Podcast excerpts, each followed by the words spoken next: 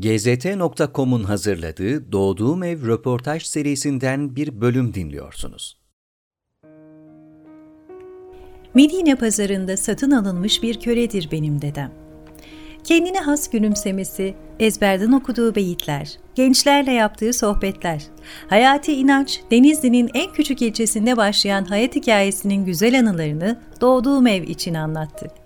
Medine köle pazarından satın alınan Sudanlı bir kölenin torunu olan İnanç, saz kursuna giderken kendisini Kur'an kursunda bulduğu günleri, lise yıllarındaki sosyalist devrimciliğini, zehirlendim diye tarif ettiği şifa arayışını, 80 darbesinin tam ortasında İstanbul Üniversitesi'nde yaşadıklarını, radyo ve televizyon programlarına nasıl başladığını bizlerle paylaştı. Yıl 1961. Denizli'nin Çameli ilçesi. Hayati İnanç nasıl bir evde doğdu?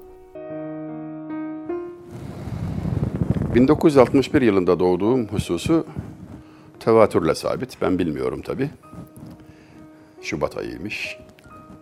Denizli'nin Çameli ilçesi en küçük ilçedir. Babam devlet memuru. Mahrumiyet bölgesi sayılan, Ege'de mahrumiyet zammı verilen memurlara tek ilçedir. 2000'in altında bir nüfusu vardı o yıllarda. Bugün de 3000'i geçmiş değil halen. Kiradaydık. Doğduğum evi sonradan gördüm. Ee, köhne, ahşap taş karışımı, kagir mi diyorlar ev. Fakat çocukluğumu geçirdiğim evi iyice hatırlıyorum. Yine kiradaydık. Bir bahçe içindeydi. E, önünde bir ceviz ağacı vardı. Cevizden, o ağaçtan düşen cevizler ayakkabılarımızın içine falan düşer. Ve biz onları yememek için e, titizlik gösterirdik. Öyle öğretilmiştik. Helal değildi falan. Bunu ev sahibi öğrendiği zaman çok hislenmiş. Bu çocuklar nasıl yetişiyor böyle falan diyerek bize izin verildi. Sonra yemeye başladık. O bahçenin içinden babamın Ramazan günlerinde özellikle akşam namazı için hafifçe koşarak e, yarım adam boyundaki duvarı biraz da telaşla atlayarak karşıdaki küçücük ahşap camiye gidip akşam namazını kılıp geri gelişini ve tarhana çorbasına kaşık salladığımız oruçlu günleri dün gibi hatırlarım. Çocuk muhayyilemde kalan iz şudur. Herhalde oruç denen şey babamın o koşuşturmaca ile yakaladığı küçük bir tavşan gibi bir şey olsa gerek. Babam oruç tuttu diye düşünürdüm. Elektriğin olmadığı bir ev, gaz lambası ışığında iftardan önceki yarım saatte hüzünle babamın Kur'an-ı Kerim okuyuşu da gözümün önünden ve kulaklarımdan gitmeyen hatıralardan biridir. Efendim, dört kardeştik. En büyükleriyim ben. Gariplik hakimdi yani fevkalade. Ama mutlu muyduk? Evet çok çok mutluyduk. 14-15 yaşlarına falan geldiğimizde 6. 7. kiralık evden çıktıktan sonra kendi evimizi yaptık. Halen o evde oturmaktadır ihtiyarlar.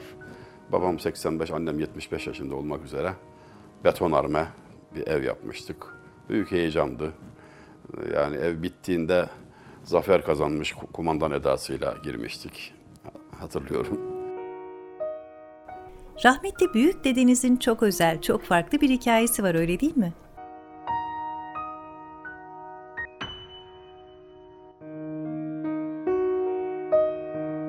Babam koyu kahverengi, renkli bir adamdır. Dedem gece görünmezdi, daha koyuydu. İşte o dedemin, dedesinin babasıymış gelen 1850'lerde. Geliş dediğiniz gibi farklı bir hikaye. Hacca giden Ortacalı, Muğla Ortacalı bir ağanın dönüşte Medine pazarında satın aldığı bir köledir benim dedem. O zamanlar 14-15 yaşındaymış getirdiğinde. O zamanlar böyle bir adet var. Hacca gidenler bir köle satın alıp geliyor getiriyorlar. Üç maksat gözetiliyor. Birincisi çiftliklerde çalışacak kişi lazım hakikaten, iş gücü lazım. E, onlar bu için uygun oluyorlar. Çünkü ağanın çocuğu pek çalışmayı sevmiyor. Efendim, köle azat etme sevabı var. Bunu kaçırmak istemiyor zenginler. Bir de delil oluyor. Hacca gidip geldiğine delil. Yanında siyahi bir çocuk bulmuş gelmiş. Belli ki her yerde yok bunlardan. Hacca gittiğine örfi bir delil teşkil ediyor. Ee, Sudanlıyız yani onun. Tabii bütün bunları rivayetle ancak e, kendisi satın alınan bir köle olan büyük dedem e, çok detay veremiyor. E, nakille bize kadar gelen bilgi bu. Ancak şunu da biliyoruz, tarihen sabit. Babam, dedem gibi, büyük dedem gibi böyle münferit gel- gelenler olduğu gibi çokça gemiler dolusu Sudan'dan gelenler de var. Ege ve Akdeniz sahillerinde, denize yakın çiftliklerde onları bugün dahi öbek öbek görmek mümkündür. Üçer beş, beşer yüz kişilik köyler, mahalleler halinde. E, Koyu çikolata renkli, Sudanlı yani herkesin bildiği üzere Sudan ahalisi bizi çok sever. Türk'ü çok sever. Artık biz diyorum yani biz e, buralı olduk. Yedi nesildir. Efendim ziyarete gittim Sudan'a bir vesileyle. Yunus Emre Enstitüsü'nün davetiyle. Havaalanında karşılaştıklarım dahil olmak üzere gidip gelene kadar kime gözüm değdiyse, kimle göz teması kurdum, kiminle merhaba ettimse amcaoğluyla karşılaşmış gibi herkes bir yakınlık gösterdi. Kan çekiyor dedim yani bu kadar belirgin. Sizin bu durumu öğrenmeniz, bununla yüzleşmeniz nasıl oldu?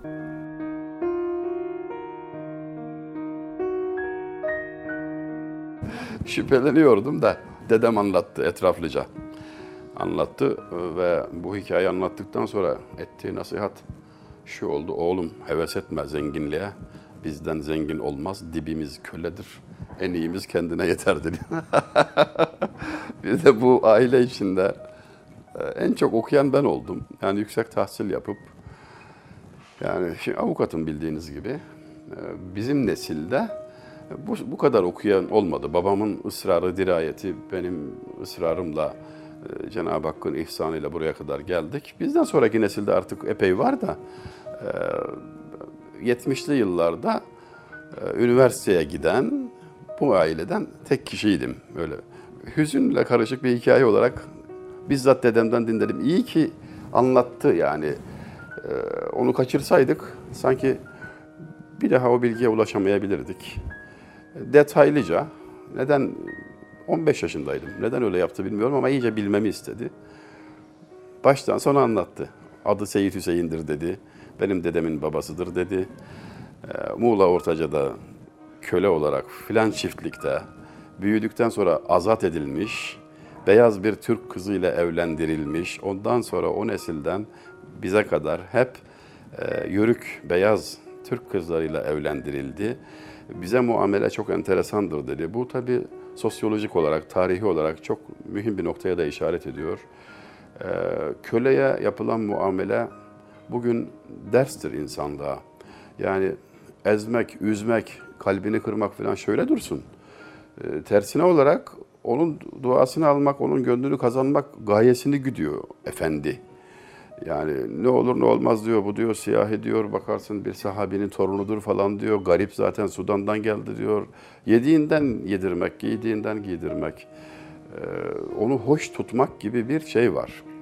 Bir öğreti var, herkesin kabul ettiği. E şimdi Batı alemine bakıyoruz, bize benzer durumda olanların orada çektikleri, yaşadıkları yani hikayeleri tahammül edilir gibi değil. İnsanın içini parçalayan zulüm hikayeleri var.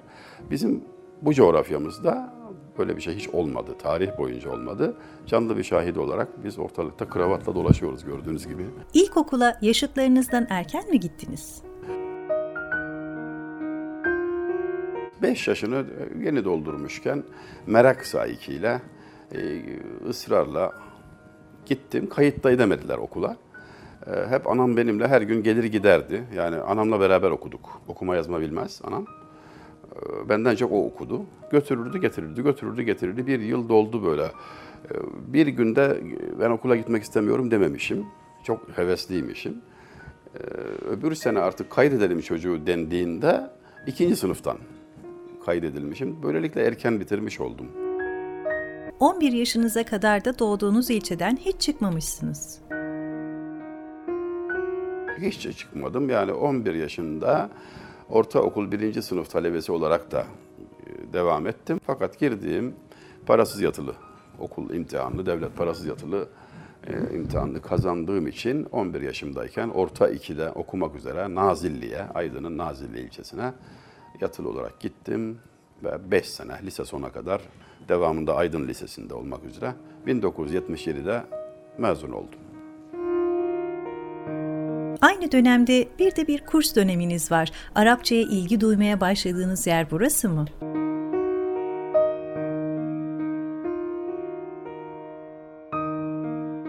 İlkokulu bitirip evet ortaokula kaydımızı yaptırıyoruz. İşte ortaokula başlayacağım yaz tatili. 3 3 ayı geçkince malum yaz tatili süresince dereceyle mezun oldum. Yani daha doğrusu okulun birincisi olarak mezun oldum falan diye babam beni ödüllendirmek kastıyla ilçede bulunan cezaevinde yatmakta olan bir ahbabına gönderdi. O da halen hayattadır. Mehmet Kök. Orman suçundan yatmış işte. Usule uygun olmayan ağaç kesmiş de falan. O yüzden yatıyor. 3 ay mıydı, 5 ay mıydı cezası? Açık cezaevi. Orada piknik yapıyorlar adeta. Bağlama çalmayı bilen biri bu. Elime bir bağlama verildi. Ben gideceğim cezaevinde saz öğreneceğim falan. İki gün, üç gün devam ettim. Açmadı beni o iş. Pek de beceremedim zaten. Bağlamayı nereye koydum bile bilmiyorum. Kaybettim. Sonra evin önünden yokuştu bir yoldan gitmekte olan akranımı gördüm. Benden bir iki yaş büyük olanlar da vardı. Bir kitabı saygıyla göğüslerine bastırmışlar, yürüyorlar. Sordum nereye? Kur'an kursuna gidiyoruz dediler. O ne? İşte şurada. Ne yapıyor? Ne öğreniyorsunuz? Açtılar. Baktım, harfleri tanıdım. Nereden tanıdım harfleri? Ya babam Kur'an-ı Kerim okurken çocukken takip ediyordum ya, bakıyordum. Ha dedim bunlar o harfler. E nasıl oluyor? Gittim, takıldım peşlerine. Kursa gittik. Birkaç gün sonra fark etti babam benim e, saz kursuna değil de Kur'an kursuna gittiğim. Hala onu söyler ara sıra. Ben seni saza gönderdim, sen gittin hoca oldun falan der. Üç ay boyunca Kur'an-ı Kerim kursunda fevkalade dirayetle, ısrarla üzerimde duran hocam, Mustafa Tezcan. Ben de ısrarla öğrenme hevesi içindeyim. Üç ay doldu ve ben Kur'an-ı Kerim'i yüzünden rahatlıkla okuyabilir hale geldim. Yani akranımı biraz geçtim. E, Bunu üç ayda yapmayan da altı ayda yapıyordu zaten. Yani işte bu bende bir soru hasıl etti. Hani yıllarca çalışılıyor da okunamıyordu bu harfler diyordunuz. Niye yalan söylüyorsunuz falan diye çok bozuldum ben o işe. Bana yalan söylenmesi canımı sıktı. Ee, Kur'an-ı Kerim artık yüzünden okuyabiliyordum. Ve bu arada e, kelimelerin üzerinde duruyordum. İşte bakıyorum Arapçadan gelmiş ama kökeni e, bugün Türkçe'de kullanıyoruz. Kökeni Arapça. Bu kelimeler ilgimi çekmeye başladı. Böylelikle fark ettim. Yani üzerinde durulmuyor, bize detaylı biçimde öğretilmiyor ama Arapçadan Türkçe'ye giren kelimeler var. Ee, Hem de çok. Adım buna dahil. Yani bunu fark edince bir kapı açıldı yani ben. Sonra başka kelimeler gördüm. Ee, O kurallara uymuyor. Ee, Onlar da Farsçadan Türkçe'ye gelmiş. Üçünden bir birlik, bir zenginlik, bir derinlik hasıl olmuş hiçbir şey terkibinde olduğu gibi, hiç Farsça, şey Arapça, bir Türkçe gibi. Bunu fark ettiğimde önümde bir e, dünya açıldı. Yani biraz da e, kızdım dediğim gibi yani yalan söylenmiş olmasına, benden gizlenmiş olmasına öfkelendim. İlk anda benim yani çocukluğum 11 yaşındayken Kur'an-ı Kerim kursunda e, yönlenmem böyle bir şeydir yani. Hala o izi takip ediyorum. Lisede farklı görüşlerin etkisi altında kaldığınız doğru mu?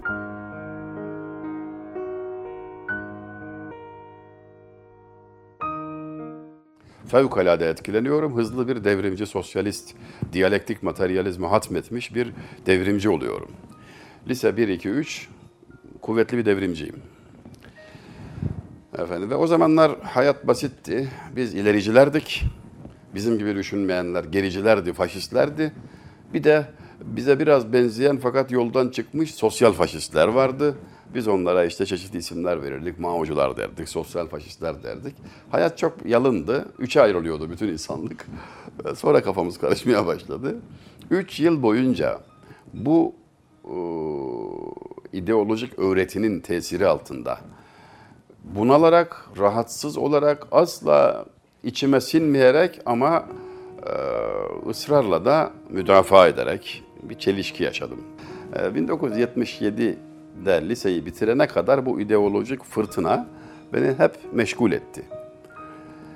Ancak burada bir noktaya işaret etmem lazım. Beni oraya davet edenler, yani sosyalist olmamı isteyenler, beni böyle yönlendirenler, eee, dini de olmayan bir din dersi öğretmeninin başkanlığında 3-4 arkadaşlık bir gruptu. Öğretmen bizi uzaktan yönetiyordu ve bana bir yalan söyleniyordu. Dedim ya hep yalan söyleniyor işte benim canımı sıkan o. Yalan şuydu, aileden getirdiğim samimi dindarlığım bilindiği için bunun dinle bir alakası yok, İslam'la bir karşıtlığı yok. Hatta benzerlikler bile var. Efendim nasıl ki İs- İslamlıkta zekat, sadaka filan varsa e, burada da fakiri gözetmek var görüyorsun gibilerden e, beni e, af buyurun amiyane tabirle dolmuşa bindiriyorlar. Ve fakat özel bir eğitimden geçtik bir yıl süren lise sonda Diyalektik Materyalizmin Başlangıç İlkeleri. Joseph Stalin'in kitabı. Küçük bir kitaptır ama oldukça ağır felsefi bir kitaptır. Doktor Hikmet Kıvılcımlı tercümesi. Namı diğer Ali Kızılırmak. Ee, kitabın son sayfasında e, bakla ağızdan çıkıyor ve meselenin öyle olmadığı anlaşılıyor. Ee, bana bakışlar çevriliyor. Beş kişilik darbe ekibiz ve diğer dördü e, altı ay sabret, yedi ay sabretmişler beni yola getirmek için. Ünlem işaretiyle söylüyorum. E ne diyorsun Hayati dediler. Benim küfür söylemem isteniyor yani. Benim dinden çıkmam isteniyor. Teklif bu. Orada radikal bir cevap verdim. Benden beklenmeyen bir şeydi. Yani zayıf bir çocuktum. Keyif için dövenler bile vardı beni. Fiziki gücüm öyle gösterişli değildi. Buna rağmen bakın dedim. Bugüne kadar yalan söylediniz.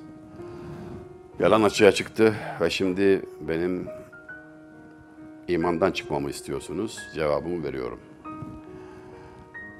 Eğer La ilahe illallah Muhammedur Resulullah diyerek devrimci olunuyorsa varım. Ama olmuyorsa ki olmayacağı anlaşılıyor. Kararı siz vereceksiniz dedim. Ben Allah derim, Resulullah derim. Başka da bir şey demem. Postüladır benim için. O zamanlarda öğrendiğimiz modern matematik postüla kavramını bize öğretmişti. İspat istemeyen hakikat manasına gelen matematik bir tabir. Bendeki bu sert ve net çıkış çok şaşırttı onları. Buz gi- gibi oldular. Şöyle bir birbirlerine baktılar falan. Ee, şansım kısa bir süre sonra okulun bitecek olması ve onları bir daha görmeyecek olmam idi. Öyle de oldu. Hayırlısıyla e, kazasız belasız o kısa dönemi atlattık. Mektepten ayrıldık. Bir daha da hiçbirini görmeden 30 yıl geçti. Sonra ziyaret ettim, tanıştım kendileriyle. O bir yani beni uzaklaştıran, beni benden koparan, dinimizden, e, İslamlıktan uzaklaştırma tehdidi içeren bir ideolojik fırtınadan kurtulmuş olmak beni daha sonra e, yol arayışımda çok etkili oldu. Yani hasretimi, iştiyakımı artırdı E, ve hızla sarıldım, arzuyla sarıldım. Zehri temizlemek için panzehire. E, bugünkü konuşmaların sebebi de odur işte.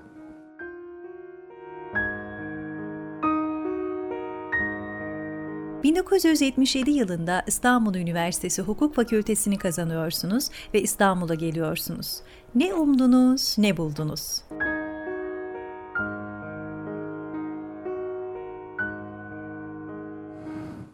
Gelirken doğrusu böyle biraz heyecanlanmıştım. Yani epey heyecanlanmıştım.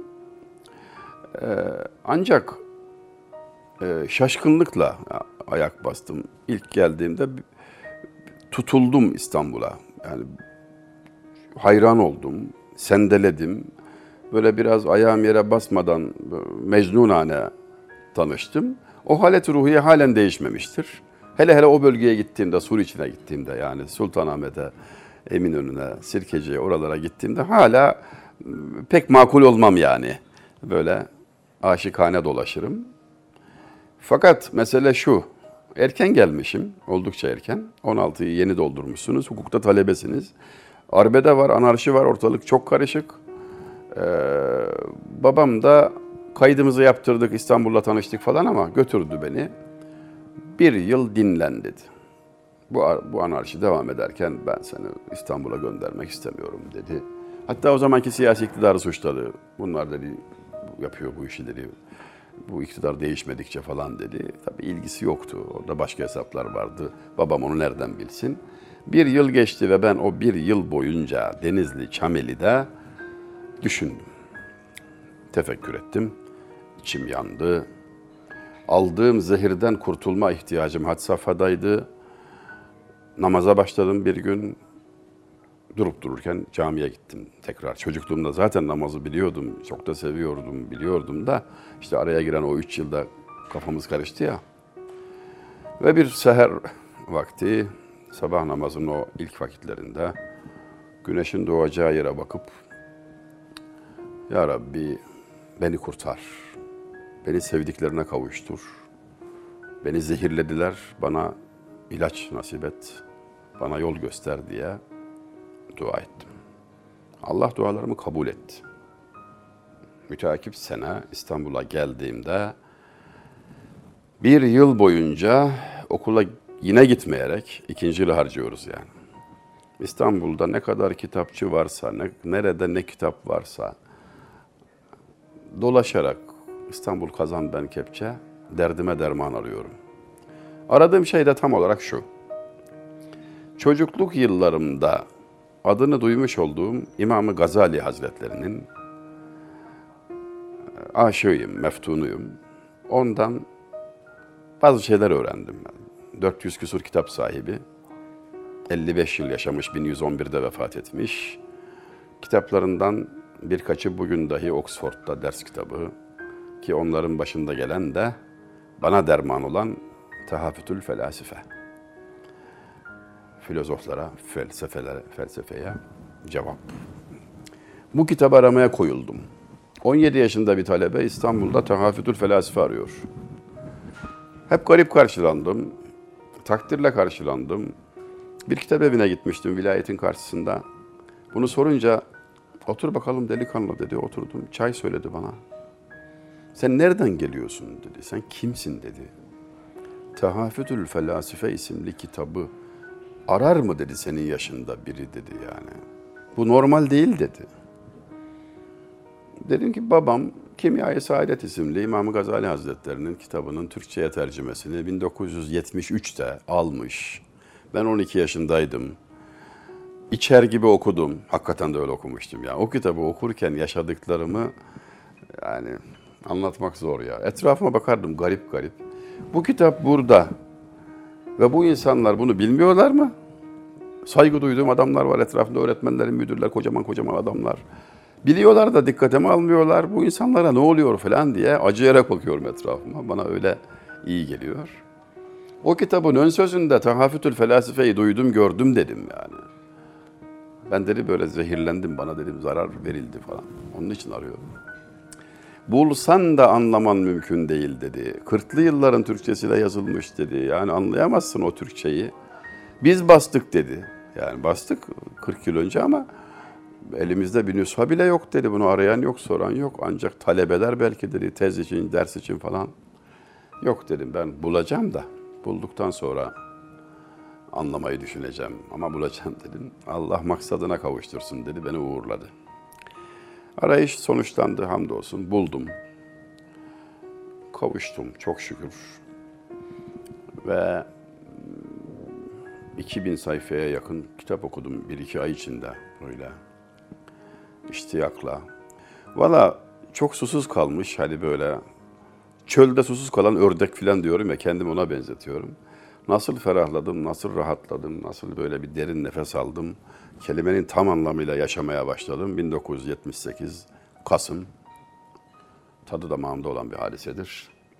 İşte o zamandan beri benim halimde olan, bilerek ya da bilmeyerek böyle bir ızdırabı yaşayan gençlere ulaşma kaygısıyla yaşıyorum. 1980 yılında İstanbul Üniversitesi'nin Beyazıt kampüsünde okuduğunuza göre darbenin yakın şahidisiniz. Nasıldı o günlerde orada olmak?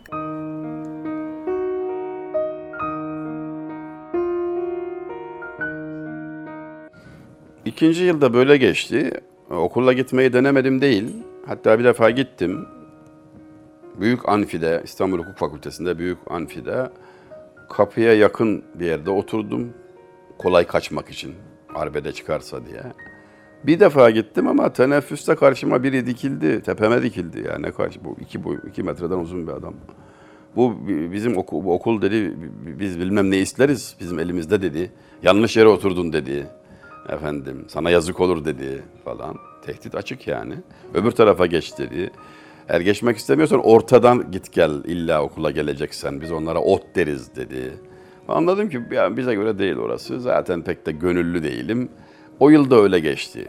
E, ikinci yıl bitti. Ben hala okula siftah etmiş değilim. Sadece kaydım var. Kuru, kuru bir kayıt duruyor orada. Üçüncü yıl artık biraz sakinleşir gibi oldu. Ee, biz 18 yaşına geldik. Geldim okula. Derslere devam etmeye başladım. İşte o üçüncü yılın sonlarına doğru Eylül 1980 bir anda süt liman oldu. Ee, askerler okulda olmaya başladı, polis okulda olmaya başladı. Dersler yürüdü artık yani. Herkes kuzu gibi oldu. Yani o, o dört yılda dört yılda bitirdim yani. Ama o kaybımız yanımıza kar kalmış oldu. Ee, çok sonradan anladık neyin ne olduğunu. Yani ne oyunlar yapıldığını, ne tezgahlar çevrildiğini. Fakat o güne kadar okulda bulunmak, ders takip etmek çok zordu. Özellikle işin içinde değilseniz. Efendim, ben o dönemi kendime yol arayışına harcadım. Ki çok karlıyım hamdolsun. Ee, hayır varmış yani. Yıllar geçtikten sonra anlıyorsunuz bunu. Ee, dediğiniz gibi tabii İstanbul Üniversitesi'nin Beyazıt kampüsü o bütün olayların merkezi. Kaydımı yaptırdım, memlekete gittim, kitapları almak üzere geleceğim. O ana kapıya bomba atıldı, 13 kişi öldü. Yani 8'i olay yerinde, 5'i hastanede. Yani atan belli değil, öldürülmek istenen kimler belli değil. Yani tam bir kaos ortamı. Ne tuzaklar kuruldu ülkemize biliyorsunuz. Üniversite yıllarınızda merhum Üstad Necip Fazıl Kısakürek'le bir anınız var. Beni çok etkilemişti. Sizden dinleyebilir miyiz?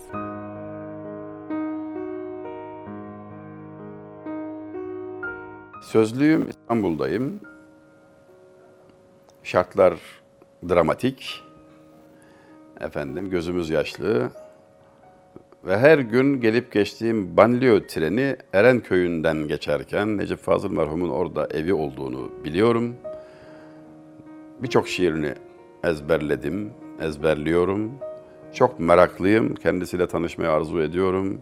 Arkadaşlarım da bana habire bunu söylüyorlar. Ya git bir tanış falan. Şiirlerini okuyorsun, bak fena da okumuyorsun yani. O seni sever falan diyorlar. Ama yok tabii bizde öyle bir cesaret yok. Birisi beni götürsün diye bekledim. Ama her gün gelip geçerken Erenköy'ünden bunu düşünürdüm. Cesaret edebilsem falan diye. Beşinci istasyon Erenköy'dür, 12.si Cevizli. Ben Cevizli'deydim. Banliyö treninin 24 istasyonu vardır. Tuzla'da biter.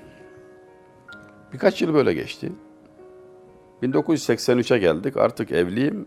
2 yıllık evliyim. 22 yaşındayım.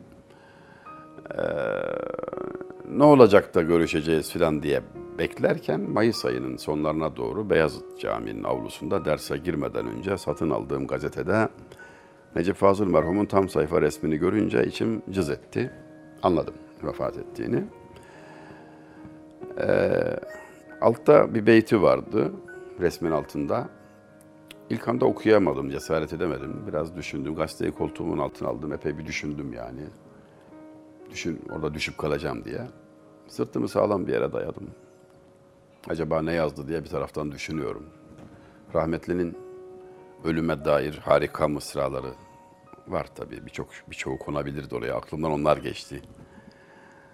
Kapı kapı, bu kapının son kapısı ölümse, her kapıda ağlayıp o kapıda gülümse. Ölüm güzel şey, budur perde ardından haber. Hiç güzel olmasaydı ölür müydü peygamber? Şu gideni çevirsem tutup da eteğinden, soru versem haberin var mı öleceğinden. Büyük randevu bilsem nerede saat kaçta, tabutumun tahtası bilsem hangi ağaçta. Son gün olmasın dostum çelengim top arabam, alıp beni götürsün tam dört inanmış adam. Ebedi gençlik ölüm desem kimse inanmaz. Taş ihtiyarlar, servi çürür, ölüm yıpranmaz. Ve diğerleri, özellikle bunlardan biri konmuştur. Zannıyla gazeteyi kendime yaklaştırdığımda şu beyti gördüm. Genç adam yollarımı adım adım bilirsin, erken gel, beni evde bulamayabilirsin. Tabii sendeledim, Beyazıt tepemde döndü. Dünya böyle bir yer, dünya ayrılık dünyası. Görüşemedik ama gam değil, orada görüşürüz. Dedim, 36 yılı geçti. Ümit ediyorum, arayacağım, orada görüşeceğim inşallah. Kişi sevdiğiyle beraberdir. Ben onu çok severim. E hanıma mektup yazamayan 22 yaşında bir delikanlı cesaretini toplayıp da Necip Fazıl'ın karşısına nasıl çıkar? İmkan mı var? Şimdi gençlere imreniyorum. Hoşuma da gidiyor. Böyle her istedikleri yere gidiyorlar, tanışıyorlar falan. Böyle yürekli olmak lazım. Herhalde onlarınki daha doğru. Bizim zamanımızda çekingenlik hakimdi. GZT.com'un hazırladığı Doğduğum Ev röportaj serisinden bir bölüm dinliyorsunuz. Yeni bölümlere herkesten önce erişebilmek için GZT uygulamasını iOS ve Android marketlerden indirebilirsiniz. Okul bitmeden evlenmenizin özel bir nedeni var mıydı? Var, başkası alır diye endişe ettim. Ee, neuzu billah, onu göze alamazdım efendim. Evlendiğimiz gün itibariyle ben 20 o 16 yaşındaydı. Yani bugün böyle bir şey yapana ağır hapis cezaları var. Şimdi evleniyorsunuz, hanımı bırakıyorsunuz anne babaya. İstanbul'a gidiyorsunuz. 3 yıl okuyorsunuz. Evvela şuna bakmalı. 3 yıl tahsil, 1 yıl staj, 4 ve 7 yıl avukatlık müddetince toplam 11 yıl kayınvalidenin sultası altında, aralıksız tahakküm altında geçen bir ömür var. 11 yıl buna tahammül edebileceğini düşünen hanım kız var mı bilmiyorum bu zamanda. Mitolojik hikaye gibi geliyor insana. Böylelikle erdi yani. bir ermişle evliyim olsa. Efendim, e, üç yıl net bir ayrılık yani izne gitmeler hariç İstanbul'dasınız. Anne baba yanında hanım. E ne kadar ayrılık şiiri varsa ezberliyorsunuz tabii. Kabiliyet artıyor, insan zihni açılıyor. E, Bahtiyar Vahapzade'ye şair nasıl olunur diye sorulduğunda en sevdiğin elinden alacaksın, benim vatanımı aldılar demişti. Yani şartlar ağır olmadan, böyle ızdırap, bir zillet, inkisar olmadan e, pek bir şey açığa çıkmıyor sanki. Yani inci sancı mahsulüdür. Şiirlerle bu kadar ilgilenmiş olmam, içli şairleri tanımış olmam da elbette bunun belirleyici etkisi vardır. Evet cesaret edemedim ona. O ekonomik durum buna elverişli değildi. Gelsem ev tutmam lazım, ağır masraflar devreye girecek, askerlik yapmam lazım, hiçbir hazırlığım yok onun için. Ancak şu da var, ee, babam Arzu Halcı benim, mesleği o. Ee, kendi memleketimde Arzu Halcılık taşrada avukatlığa çok benzer. Hatta ahali bunu anlamadı bile. Babasının yerine oğlu geçti diye verdiler yani. Ee, kolayıma geldi işin doğrusu. Orada yaşamak ee, bana daha kolay geldi. 7 sene yaptım bu şekilde. Ama sonra başka mahzurlar ortaya çıkınca mesleği de bırakarak ayrıldım. Ee, o mahzurlar çocukları yetiştirme noktasında yeterince faydalı olamadığım hatta zararlı olduğumu görünce dedim bu, bu böyle olmaz çocuklara yazık olur ben bunun hesabını veremem. Ee, meslekten de feragat ederek İstanbul'a geldim. 10 yıl sonra İstanbul'dan Ankara'ya yerleşiyorsunuz. Neden yaşamak için Ankara'yı seçtiniz? Mesleğe dönmem gerekti. Bana bu teklifi getiren e, arkadaşlar bir ekipti. E, yüksek yargı merkezli Ankara'da bir e, hukuk mesleği teklif ettiler. Ya bunca yıldır ayrıyım, 10 yıl oldu benim meslekten koptum falan dedimse de e, yok sen onu yaparsın Allah'ın izniyle. Sen olgunlaştın falan dediler. 40 yaşına geldik artık. 40'ı geçtik. İstanbul, bu Ankara'da olabilirdi. Yargıtay, Danıştay, yüksek yargıyla, yüksek bürokrasiyle, devletin merkeziyle tanışmamda fayda gördüler. İyi de yapmışlar. Bundan e, beklenenin dışında faydalar hasıl oldu. TRT'de program başladı. Efendim e, bir tanınma hasıl oldu. İstanbul'da elde edemediğim birçok imkan ve fırsatı bu sayede Ankara'da buldum. 15 yıl öyle geçti. Müddeti hayatımda aralıksız olarak en uzun süre kaldığım yer Ankara oldu. Hiç beklemediğim, hiç düşünmediğim, tasarlamadığım bir biçimde. Ama ona da 8 ay önce son vererek torunlar da artık büyümeye başladığı için İstanbul'a avdet ettik. Ee, Eyüp Sultan'a defnolunma muradıyla buradayız. Avukatlığın yanı sıra yayıncılık, yöneticilik, öğretmenlik, sunuculuk yaptınız öyle değil mi? Hiçbirini becerememenin itirafıdır aslında o. Birden fazla iş yapan birisi e, demek ki beceremiyor da ondandır. Ancak şartlar böyle getirdi. Yani ben avukatlıktan ayrıldıktan, onu gözden çıkardıktan sonra 1993 yılının başında çocukların istikametine zarar verme ihtimalini apaçık görüp ürktüğümden, korktuğumdan bir dostumdan yardım istedim. Ben dedim cübbeyi çıkarmaya da hazırım, İstanbul'a geleceğim ama bana orada hayırlı bir ortam ve iş yani ben çocuklara çocukların din eğitimini, ahlak eğitimini rahatlıkla verebileceğim bir ortam arzu ediyorum dedim. Buna uygun bir biçimde yapılanma oldu. İşte o arada sunuculuktu, dergi, yayıncılık, fuarcılık, efendim eğitimcilik. Oradaki eğitim şirketlere yönelik e, mesleki eğitim falandır yani böyle. Bu arada radyo programcılığı başladı ve o sayede de işte şehirlerle ilgi artık sistematize oldu. Bir, bir kanala girdi, bir toparlandı. Ee, 2002 yılına geldiğimizde de bir televizyon sunuculuğu imkanı doğdu. İlk üç gün dilim damağım kuruduysa da sonra iyi bir televizyoncu olacak galiba bu deliler. TRT'de 2008'de gittiğimde Ankara'da öyle düşündü. Ee, o günden beri ekranlardayız. Ee, bu tabii gençlere daha kolay ve daha etkili ulaşmanın bir vasıtası olarak kıymet arz ediyor. Şiire olan yatkınlığınız biliniyormuş ama medyada yer alma kısmında sizi kim keşfetti? Bir radyo yöneticisi büyüğüm vardı. Ee, emekli Deniz Albay. Ee, nitelikli çok saygın bir insan. Muteber bir büyüğüm. İlhan Bey, İlhan Apak. Gençlerle haftalık 15 günde bir cereyan eden sohbetlerimi takip etmiş.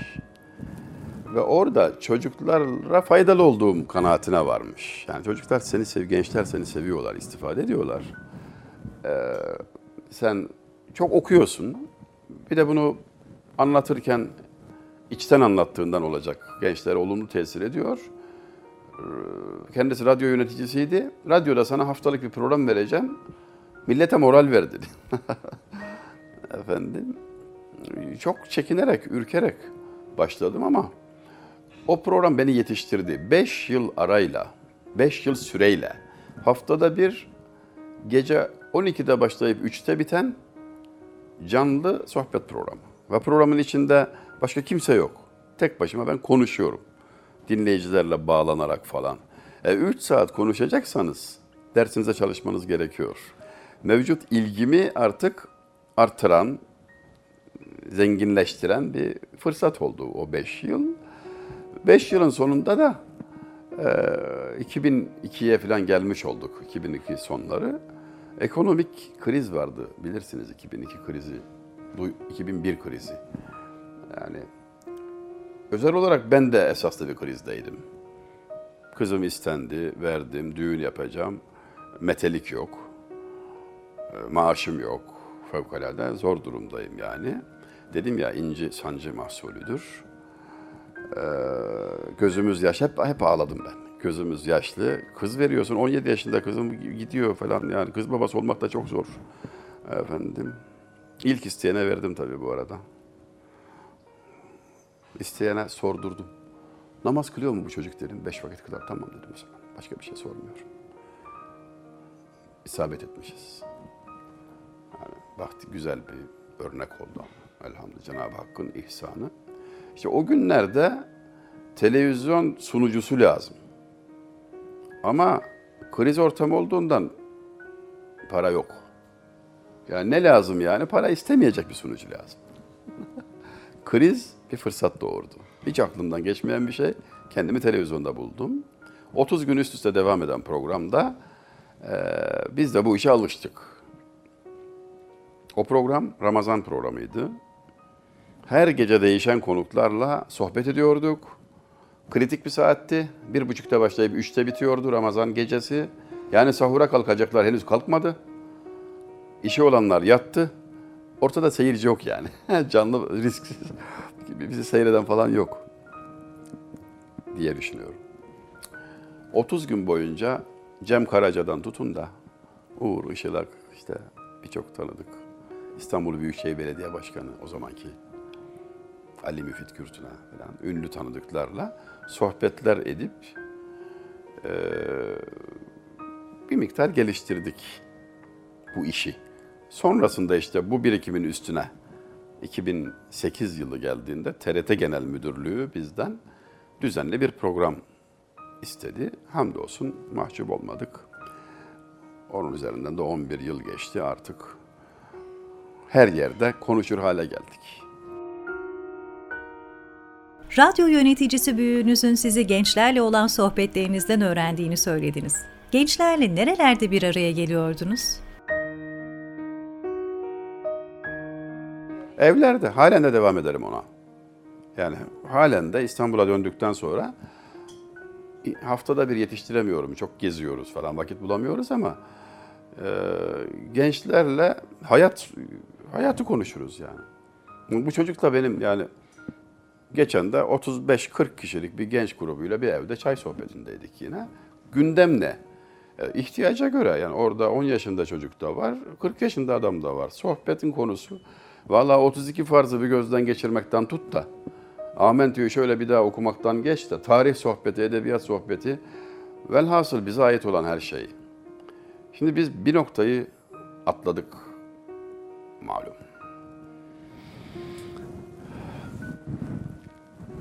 Kısa bir hikaye anlatayım diye atladığımız oradan.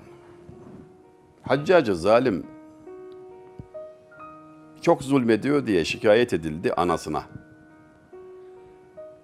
Belki anasını dinler diye. Dediler ki oğluna git söyle. Artık bu iş haddi aştı. Merhamet etsin biraz diye. Öyle mi diyorsun ana dedi. Bekle. Perde gerisine annesini koydu makam odasında, makam odasında. Sokaktan birini tutup gelmelerini emretti iki adamına. Gelen adama sordu. Adam ödü patladı zaten saraya girince sağa çıkmak zor diye düşündü. İlim sahibi misiniz dedi. Hayır efendim cahilim dedi ben dedi işte bilgim yok okumadık. Dünya nedir ahiret nedir sorular soruyor üst üste. Dünya bir damladır ahiret denizdir dedi. Ne iş yapar? Zeytinciyim dedi. Anlat bana zeytinciliği nasıl budanır, nasıl yağı çıkarılır, pazarlama nasıl yapılır. Ta ta ta ta, ta. Gayet güzel anlattı. 32 farzı bir sayar mısın dedi. Arz ettiğim gibi cahilim efendim dedi. Amentü'yü oku dedi. İşte dedim ya cahilim efendim. Namazın farzları nedir? Aynı cevap. Cahilim. Bir adam dedi. Dedin ki dünya damla ahiret deniz. Dünya için ne lazımsa çok güzel söylüyorsun ezberden, iyi de biliyorsun aferin. Ahiret için ne sorsam cahilim diyorsun. E, cahilsen dünyayı da bilme. Ben seni şimdi ne yapayım dedi. Sonra perdeyi araladı. Anne gidenler böyle gidiyor dedi. E, bizim böyle bir şuur noksanı kendimizle ilgili bir gaflet halimiz var. Bunu itirafa, bundan tevbeye mecburuz. Bize o gerekiyor. Allah ile arayı düzeltmemiz lazım. İşte sohbetlerimizin konsepti bu. Yani çocuğa bir şey vermediğin zaman suçlayamazsın. Ben gençlerimizin bu noktada mahrum bırakıldığını görüyorum, müşahede ediyorum gittiğim her yerde. Üniversitede konferans veriyorum, çocuklar garip garip yüzüme bakıyorlar. Hocam biz hiçbir şey duymadınız tabii işte, duymuyorsunuz. Mesele de o zaten. Yani Bizim zorunlu dün derslerine ihtiyacımız var. Fizik, kimya, matematik, biyoloji tahsil eden meslek sahibi olur ama din, tarih ve edebiyat tahsil eden kişilik kazanır. Sohbetlerimizin konusu işte onlardır. O radyo yöneticisi büyüğümün torunu da gelir giderdi de çocuktan takip etmiş yani. Bu çocuk ne alıyor ne satıyor falan diye. Ankara'da 14 yıl aralıksız Altındağ Belediye Başkanlığı nezaretinde aylık sohbetlerimiz olurdu. Kabakçı konağı sohbetleri falan bir klasik olmuştu. Şimdi İstanbul'a gelince artık tabii onu bıraktık. Oraya devam eden bir hanım kız vardı. Lise sondaydı ilk geldiğinde. Şimdi evli, anne, hakim. Babasıyla beraber gelir giderdi. Dördüncü yılın sonunda babası bir gün beni kenara çekti de hocam dedi kızımız dedi namaza başladı dedi. İyi dedim iyi olmuş. Derslerle sohbetlerle oldu. Ya ben dedim sohbetlerde namazdan mı bahsediyorum? Yok yok dedi bahsetmiyorsun da o anladı dedi. yani kendi yani aslı kaybediyoruz. Gaflet, şuursuzluk, bilgisizlik. Ben hiçbir şeyden korkmam da cehaletten korkarım. Bulaşıcı hastalık gibi bir şey bu. İşte sohbetlerimizin konusu, gençlerle temasımızın teması bu.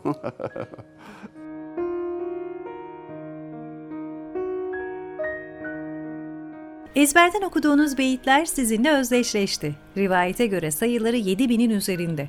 Ezber bir kabiliyet mi, bir tercih mi, bir metot mu?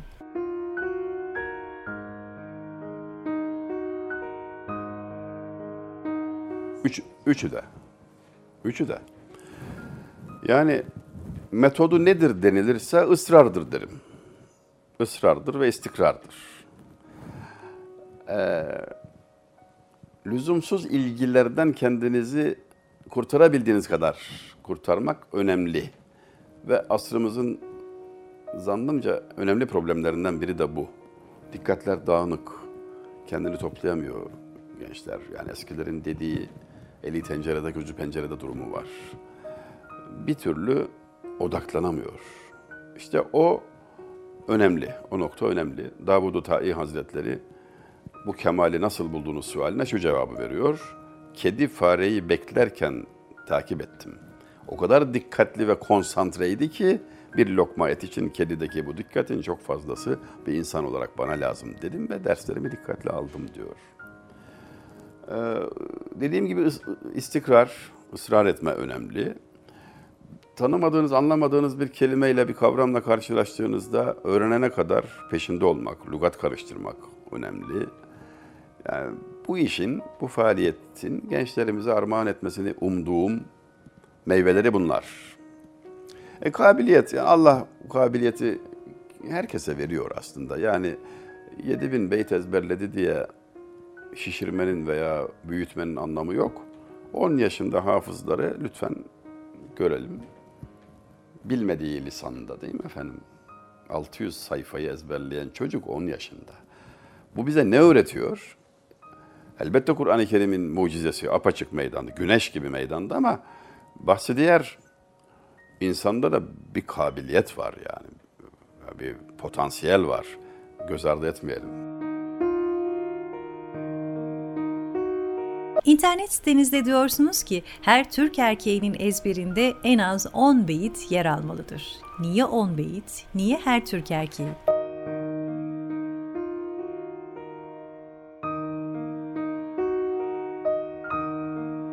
Hanımlara bir şey söylemek haddimizi aşar. Onlar şiirin mevzuudur.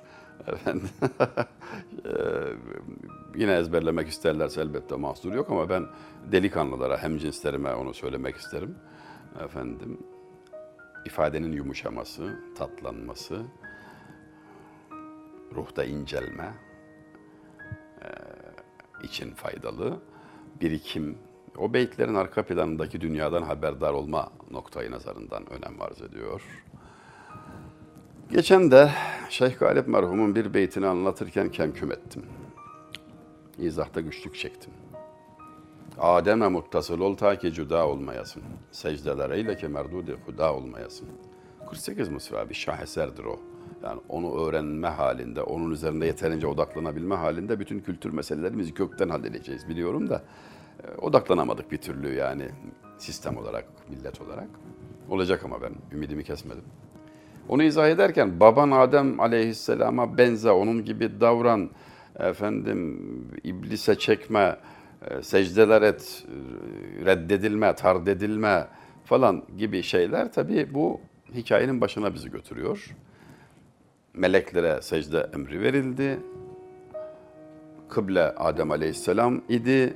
İblis itiraz etti. Ben ateşten yaratıldım, toprağa secde etmem falan. Mesele malum.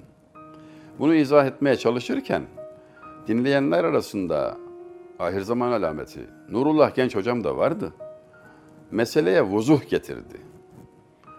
O dedi işte toprak kültürüyle ateş kültürünün başlangıç noktasıdır. Toprak kültürü Hazreti Adem'i, ateş kültürü iblisi temsil eder. Toprakta tevazu, verim, bereket esas, ateşte kibir, yıkıcılık, yakıcılık hakim. Yani tam oturan bir izah yani Allah razı olsun eksik olmasın. Bu bana da faydalı, müfit oldu.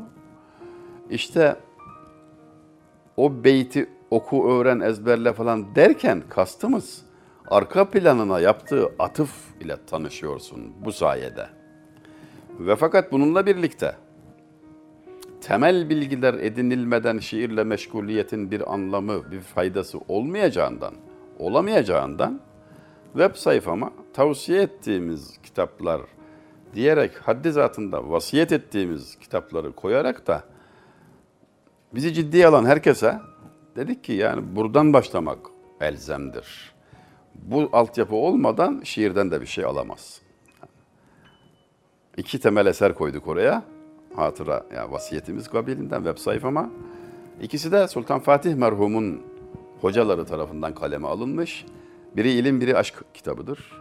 İkisinden de behredar olmadan şiirle meşguliyetinde bir manası olmaz. Konuşmalarınızda 19. asra birçok atıf yapıyorsunuz. Buradaki kastınız nedir?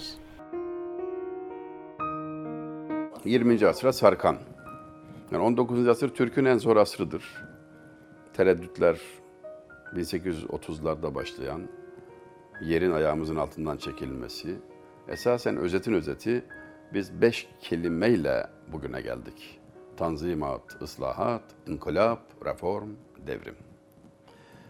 Beşi de bize ait olan her şeyi yıkıp enkazı üzerinde bilahare plan yapma gibi bir lakaydi içeriyordu. Her şeyimizi giyotine verdik. Acımasızca harcadık. Dil devrimiyle 1940'lı yıllarda giriştiğimiz cinayeti tanımlamak bile zordur. Bizi getirdiği nokta şudur. 50'li, 60'lı, 70'li yıllarda, 80'li yıllarda eser vermiş birçok üstadı bugün anlayacak kadar Türkçe üniversite mezunlarımızda yok. Yahya Kemal Beyatlı 1958. Abdurrahman Şeref Güzel Yazıcı 1973. Veysel Öksüz 1993. Yazdığı eserleri okuyorum.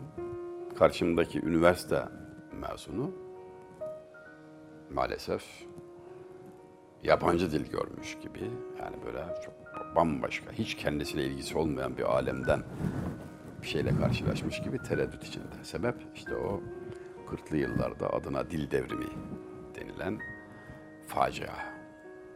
Son perde. Tanzimattan bu yana, 1839'dan bu yana yani bir tarih noktası vermek için söylüyorum. Beş defa hepsi yıkım projesi. Tanzimat, ıslahat, inkılap, reform, devrim. Eyvah bu Boğaziçi'de bizler yine yandık. Zira ki ziyan ortada bilmem ne kazandık. Ziya Paşa bir oyuna girdik kaybettik diyor. Hasar ortada da bilmiyorum ne kazandık diyor. Bilen varsa söylesin diyor.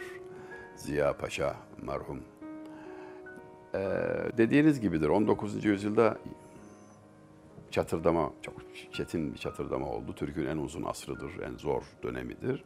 20. yüzyıla geldiğimizde de artık o istikamette birçok yanlış, birçok şuursuzca işler cereyan etti maalesef. Şimdi geldiğimiz noktada kendimizle tanışma, zorunlu dün dersleri demem o efendim.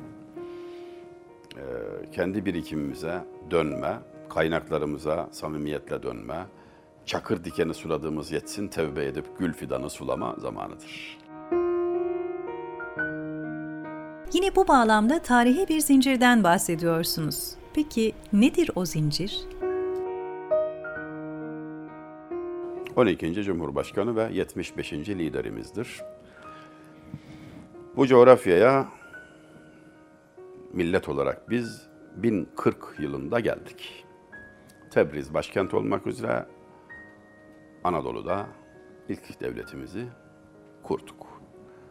Vefatından hemen sonra oğlu yoktu yeğeni Alparslan merhum işe ele aldı. Malazgirt'ten geçti, iyice perçinledi bu, bu zaferi. Oğlu Melikşah geldi. Onun döneminde biraz önce andığım İmam Gazali Hazretleri'nin hizmetleri bütün dünyaya intişar etti. Berk Yaruk, Sencer, 27. isim olarak da Ertuğrul Gazi. Sonra Osmanlı Devletimiz kuruldu.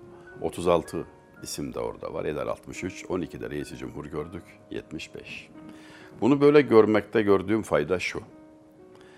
Aksi halde yeni yetme, köksüz, sadece bir birkaç on yılı olan bir millet, bir devlet gibi bakma arızasına, paranoyasına mahkum oluyoruz. İstanbul'da sadece bir bölgede yer alan üç kütüphane, Beyazıt, Nur, Osmaniye ve Süleymaniye, Fatih'teki Millet Kütüphanesi'nde buna eklersek dört kütüphane, bir İngiliz tarihçi Arnold Toynbee tarafından 51 yıl incelemeye konu olabiliyor da günümüzün okumuşlarının ilgisini bile çekmiyor. Ve böylece Türkçe kitapları okumayan okumuş Türkler olarak garip bir tablo çiziyoruz.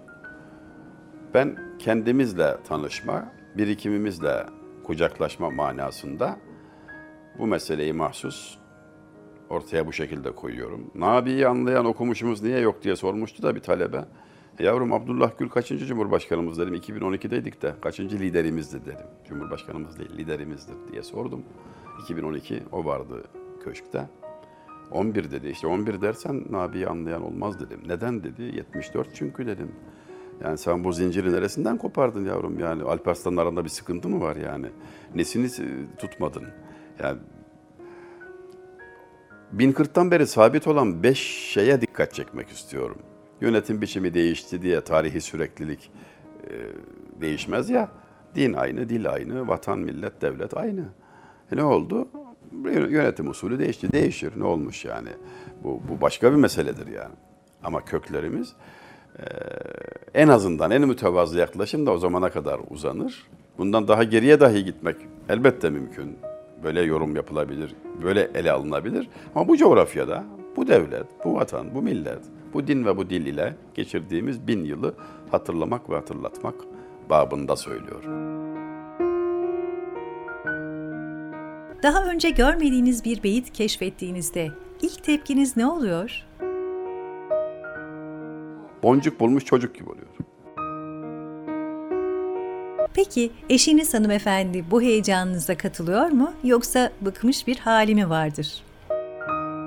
Yok bıktım demez Allah razı olsun da e, yani biraz acıyarak bakar.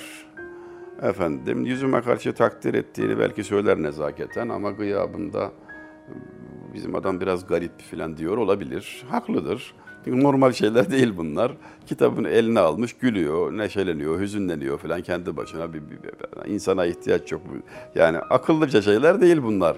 Ama aşk ile akıl bir yerde olmuyor tabii. Biri gelince öbürü